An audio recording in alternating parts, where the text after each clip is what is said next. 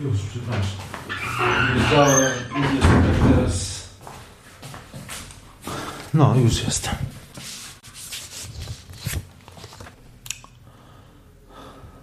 To zaczynamy.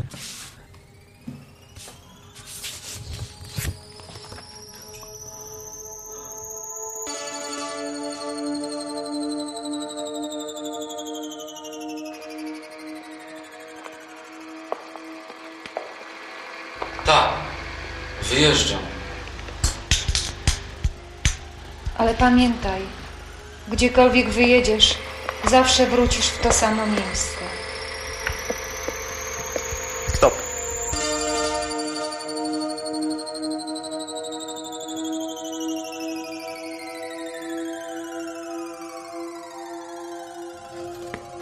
Kończyłem fizykę teoretyczną. Moja praca magisterska nazywała się Rola punktów osobliwych w fizyce klasycznej. Y, Zawsze fascynowało mnie to, czym są takie specjalne, dziwne punkty, w których teoria fizyczna jakby nie daje sobie rady. Że teoretycznie te zjawiska fizyczne, które tam mają zaś, nie powinny w ogóle istnieć. Bo na przykład, co to znaczy, że wszechświat skurczymy do nieskończenie małego punktu i on w tym punkcie będzie miał nieskończenie wielką gęstość. I tu gdzieś pojawia się problem punktu osobliwego. I bardzo długo panowało przekonanie, że osobliwość nie wynika z istoty teorii grawitacji, lecz jest tylko jakby takim ubocznym produktem przeprowadzanych rachunków. I dopiero niedawno udowodniono, że występowanie osobliwości w teorii względności wynika z samej matematycznej struktury einsteinowskiej teorii grawitacji. I to jest coś absolutnie no, fundamentalnego. To stwierdzenie, ponieważ rzuca jakby nowe światło na rozumienie, czym są te punkty osobliwe. Że one nie mogą być już takim niechcianym dzieckiem teorii fizycznych e, czy zjawisk. To właśnie one decydują o charakterze zjawisk. Od nich wszystko zależy.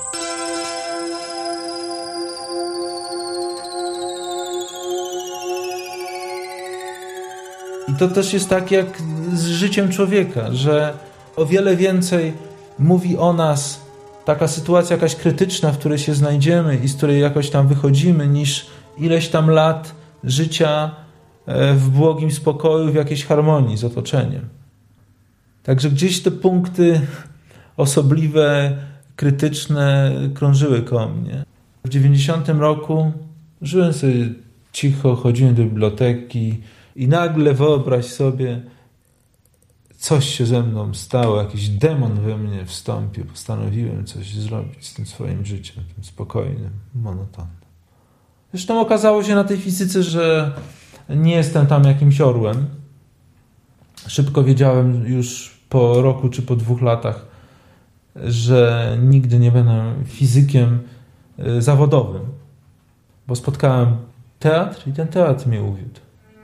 Człowiek się nie obejrzał, jak e, już tkwi po uszy nie w fizyce, ale w teatrze. Już sobie właściwie nie wyobrażałem życia bez teatru i w pewnym momencie podjąłem bardzo świadomą decyzję tego, że nie ma powrotu do fizyki.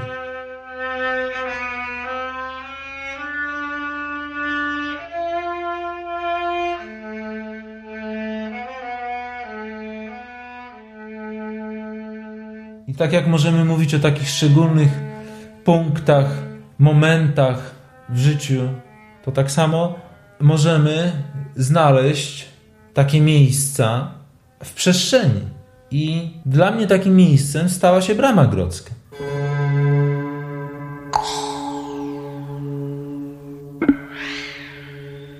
Pracowałem już kilka lat w Bramie Grodzkiej. Ci, którzy pamiętają te lata, pamiętają jeszcze Bramę Grodzką, wiedzą, że była to wielka ruina, grożąca zawaleniem. Jeżeli weszło się tam do środka, to w momencie, kiedy na zewnątrz padał deszcz, to tak samo padał deszcz w Bramie Grodzkiej, były takie przedstawienia, kiedy w trakcie tych przedstawień na zewnątrz zaczyna padać deszcz i ludzie później mówili, ale świetne efekty mieliście tam w czasie tych przedstawień. Jak to zrobiliście, że ten deszcz tak padał? I nadarzyła się taka okazja wyniesienia się stamtąd do zupełnie innego budynku, w inne miejsce, leżące poza starym miastem. I oczywiście ja tak samo z tego skorzystałem, wyjecha, e, wyszedłem razem ze swoimi kolegami. Właściwie to był taki moment przed zupełną degradacją. Właściwie wydawało się, że za chwileczkę tam wprowadzą się jacyś menele, pijacy, alkoholicy, że stanie się to jeszcze jedną wielką meliną na Starym Mieście. Tak, wyjeżdżam. Ale pamiętaj, gdziekolwiek wyjedziesz, zawsze wrócisz w to samo miejsce. Tutaj, w tym momencie, jak przed chwileczką, wiesz, jak ona szła, Mhm, to ręka ci wiesz. mhm. No, nie, no niech kończy. Tak jest bardzo dobrze. Ale pamiętaj, gdziekolwiek wyjedziesz, zawsze wrócisz w to samo miejsce.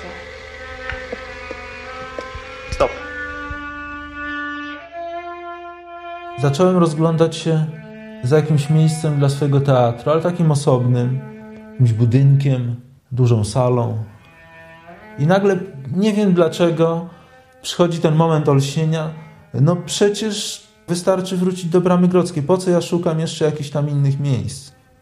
I od tego momentu zaczęło się moje świadome bycie w tym miejscu.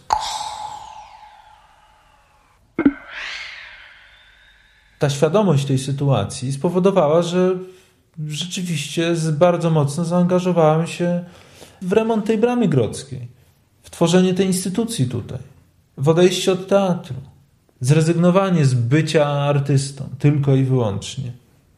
I tu zaczęliśmy y, powoli ta grupa osób, która wtedy stanowiła tylko i wyłącznie teatr, czuć się gospodarzami miejsca. Zaczęliśmy walczyć o to miejsce, walczyć o pieniądze na to, żeby po prostu to miejsce przywrócić do życia. Przecież umówmy się, że większość osób pukała się w głowę i uważała, że jest to absolutnie szalony, idiotyczny, głupi pomysł, e, nie mający żadnych racjonalnych podstaw do tego, żeby go realizować. Miejsce to jest nieistniejące w rzeczywistości. Gdyby nawet przypadkiem istniało, to i tak byłoby czystym zmyśleniem. Tak czy inaczej, jeśli jest możliwe, to na pewno nie tu.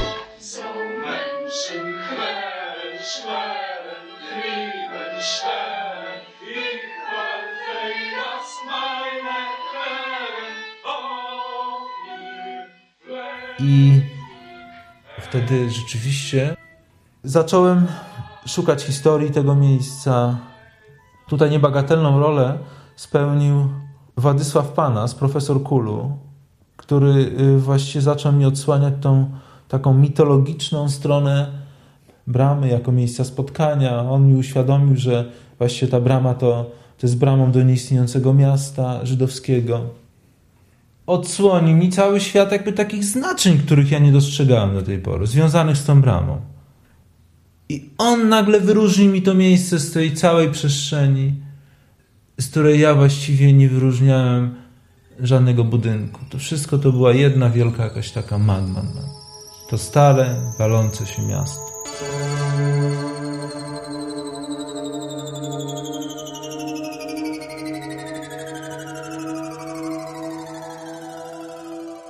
Tak, no absolutnie. To Brama Grodzka jest takim e, centrum kosmicznym.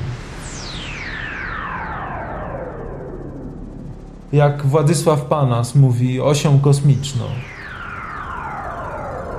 Jest takim szczególnym miejscem w przestrzeni, absolutnie wyróżnionym. Takim punktem osobliwym. Osobliwa osobliwość. Innym.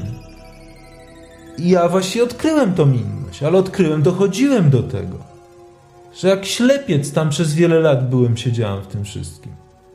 Chodziłem do tej bramy, ona była dla mnie jakimś przypadkowym miejscem, w którym się znalazłem, właściwie nie wiadomo dlaczego, nie wiadomo po co. Nie wiem, bielmo miałem na oczach. Nie widziałem tego cudu, który jest związany z tą bramą.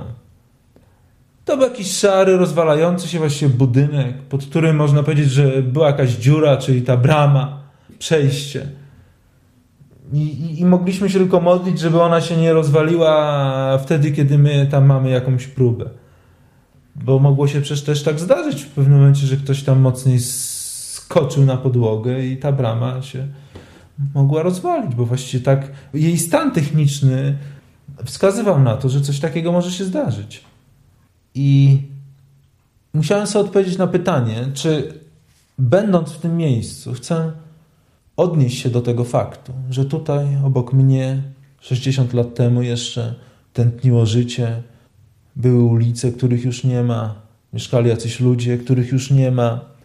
Czy też w ogóle mnie to nie będzie obchodziło i będę sobie robił jakiś program, być może bardzo dobry, ciekawy, interesujący, ale w najmniejszym stopniu nie odnoszący się do tego miejsca, do tej sytuacji, którą tutaj zastałem.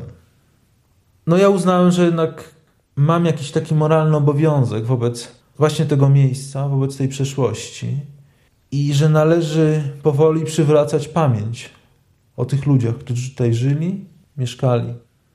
Ponieważ ja wychowałem się e, tuż obok obozu koncentracyjnego na Majdanku. Tam obok Majdanka graliśmy w piłkę, patrzyliśmy na ten Majdanek, na te niezrozumiałe wielkie przestrzenie, ta cisza, którą ja do dzisiaj pamiętam, i w tej ciszy te świerszcze było słychać. Tysiące tych świerszcz, które grające. Te opowieści o duchach to przypominam sobie wieczorami, jak się siadaliśmy gdzieś przy swoich domach i patrzyliśmy na ten obóz ciemny. Już czuło się taką grozę tego miejsca. I to wszystko gdzieś takie uległo uśpieniu później, w momencie, kiedy wyprowadziłem się z tamtego miejsca. I po wielu, wielu latach, już jako dorosły człowiek, znalazłem się w miejscu, z którego ci ludzie, którzy zginęli na Majdanku, niejako wyszli. I nagle to wszystko się spięło jakąś klamrą, gdy znalazłem się przy Bramie Grodzkiej, czyli przy tym miejscu, gdzie była kiedyś ta wielka dzielnica żydowska, a ta brama prowadziła właśnie do tej dzielnicy, która już dzisiaj nie istnieje. Ich will zurück heim, mein steht alle zu sehen. I przechodzisz przez tę bramę i wchodzisz w pustkę po prostu.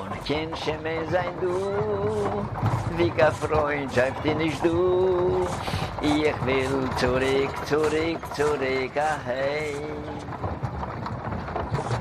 To, co robimy, jest przywracaniem porządku, ładu zakłóconego. Nie wiem, czy nam się to uda, ale jednak jakieś elementy tego ładu i porządku tu przywracamy. I w sferze myślowej, mówiąc o tym mieście, którego nie ma, i w tej sferze materialnej, kiedy remontujemy to miejsce, w którym jesteśmy, którego jesteśmy gospodarzem i też tej przy, w sferze takiej metafizycznej, kiedy zaklinamy tą przestrzeń przez takie działania jak praktyki magiczne prawie, że jak ten wielki koncert poemat o mieście Lublinie. Szmaty kalosze, szmaty, szmaty, kim cymije wam je z Volvo. Chowakojów im szmates, chowakojów im szmates, chow tela, tela, nie ma szmates, jechać agieny pesandasz. Szmaty kalosze, szmaty, szmaty, szmaty,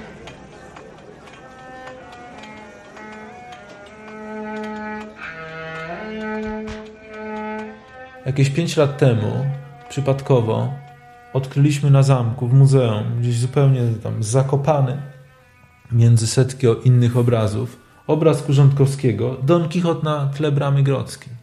I chcąc czy nie chcąc, odczytuję tą sytuację tego Don Kichota jako też swoją sytuację. Że to, co ja tu robię, to, co robię wspólnie z przyjaciółmi, jest pewnego rodzaju taką Don Kiszoterią. Idziesz i patrzysz gdzieś tam, zbliżasz się do tej bramy grodzkiej tak chcąc czy nie chcąc, to pytasz się siebie, co ja tu robię, czy to ma sens, czy to jest ważne rzeczywiście dla mnie. Bo ja cały czas mam wątpliwości. Momentami w tych naszych działaniach jesteśmy ludźmi już nie z tego świata. Że w imię wiary, że są jakieś wartości, którym warto się poświęcić, które można sprowadzić właściwie do jednego słowa: pamięć. Pamięć miejsca i obecność w tym miejscu. My się poświęcamy właściwie. Czy to niepotworne, że jakiś aktor w pasji, którą wymyślił pod wpływem fikcji, potrafi zmienić się niemal fizycznie? Że potrafi nagiąć duszę do własnej swojej wyobraźni. Twarz mu pobladła, głos mu się załamał, płakał i ciałem, każdą cząstką ciała przeżywał fikcję. Zaczęliśmy nagrywać relacje ludzi, którzy opowiadają o mieście, którego już nie ma. I okazało się, że nikt wcześniej tego nie robił, nikt ich o to nie pytał. Jesteśmy takimi myśliwymi, w pewnym sensie szukającymi ciekawych opowieści o mieście. Dzięki temu dowiadujemy się no naprawdę bardzo interesujących historii. Na przykład jakaś pani przypomina sobie latarnie miejskie na gaz, latarnika, który je zapalał, który je gasił. I my nagle tworzymy bank takich opowieści.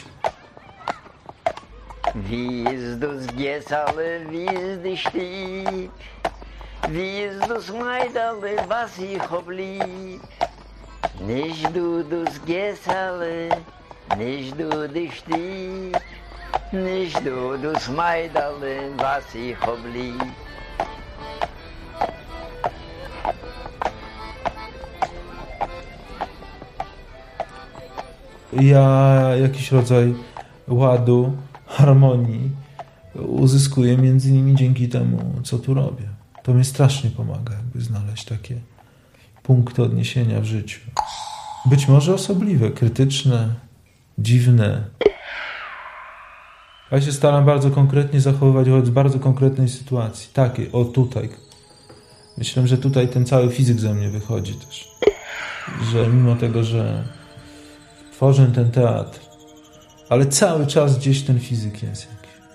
Jeżeli się przez pięć lat studiowało nauki ścisłe, to chcąc czy nie chcąc, to nas jakoś kształtuje. Narzuca pewną dyscyplinę myślową. Tym niemniej jakoś konsekwentnie gdzieś posuwam się do przodu. A to już czysta matematyka. Tak? I fizyka.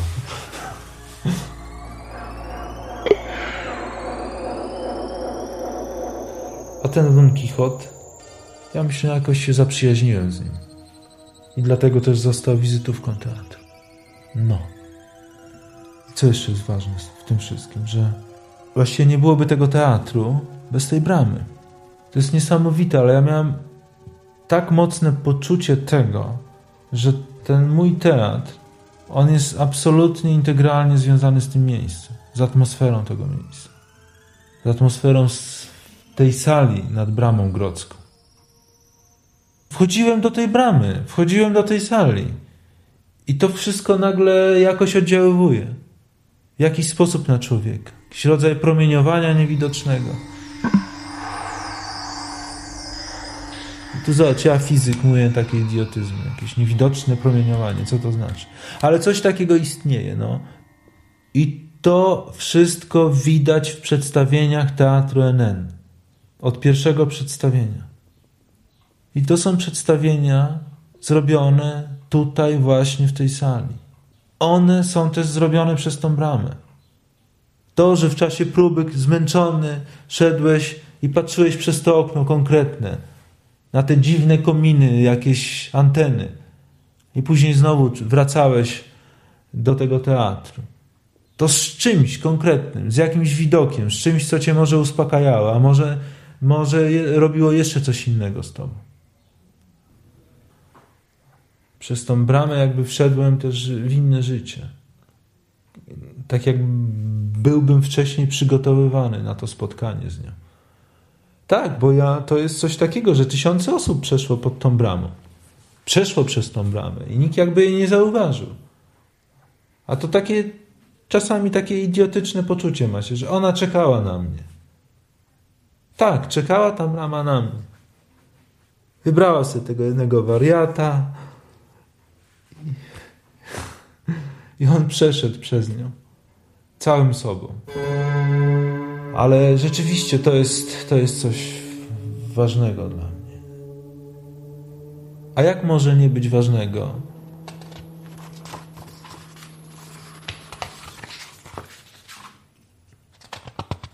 Jeżeli wchodząc do tego budynku prosto z ulicy, idąc jego krętymi korytarzami, w górę, w górę, w dół, w górę, po stromych wąskich schodach, skręcając i mijając pomieszczenia o kubistycznych kształtach, świat pochyłych ścian, krzywych kominów, konwulsyjnie skręconych korytarzy i drzwi, które otwierają się w ciemność, trafia się do sali nad bramą. Ale pamiętaj, gdziekolwiek wyjedziesz, zawsze wrócisz w to samo miejsce. Przechodząc obok któregoś okna, można zobaczyć strome dachy domów, kominy, anteny podobne do wielkich owadów. Wszystko to sprawia, że wchodzimy do jakiejś innej rzeczywistości, do jakiegoś innego miasta, zagubionego w zapomnianej szulcowskiej odnodze czasu, do której prowadzi właśnie ta brama, opleciona w swoje własne sny i majaki.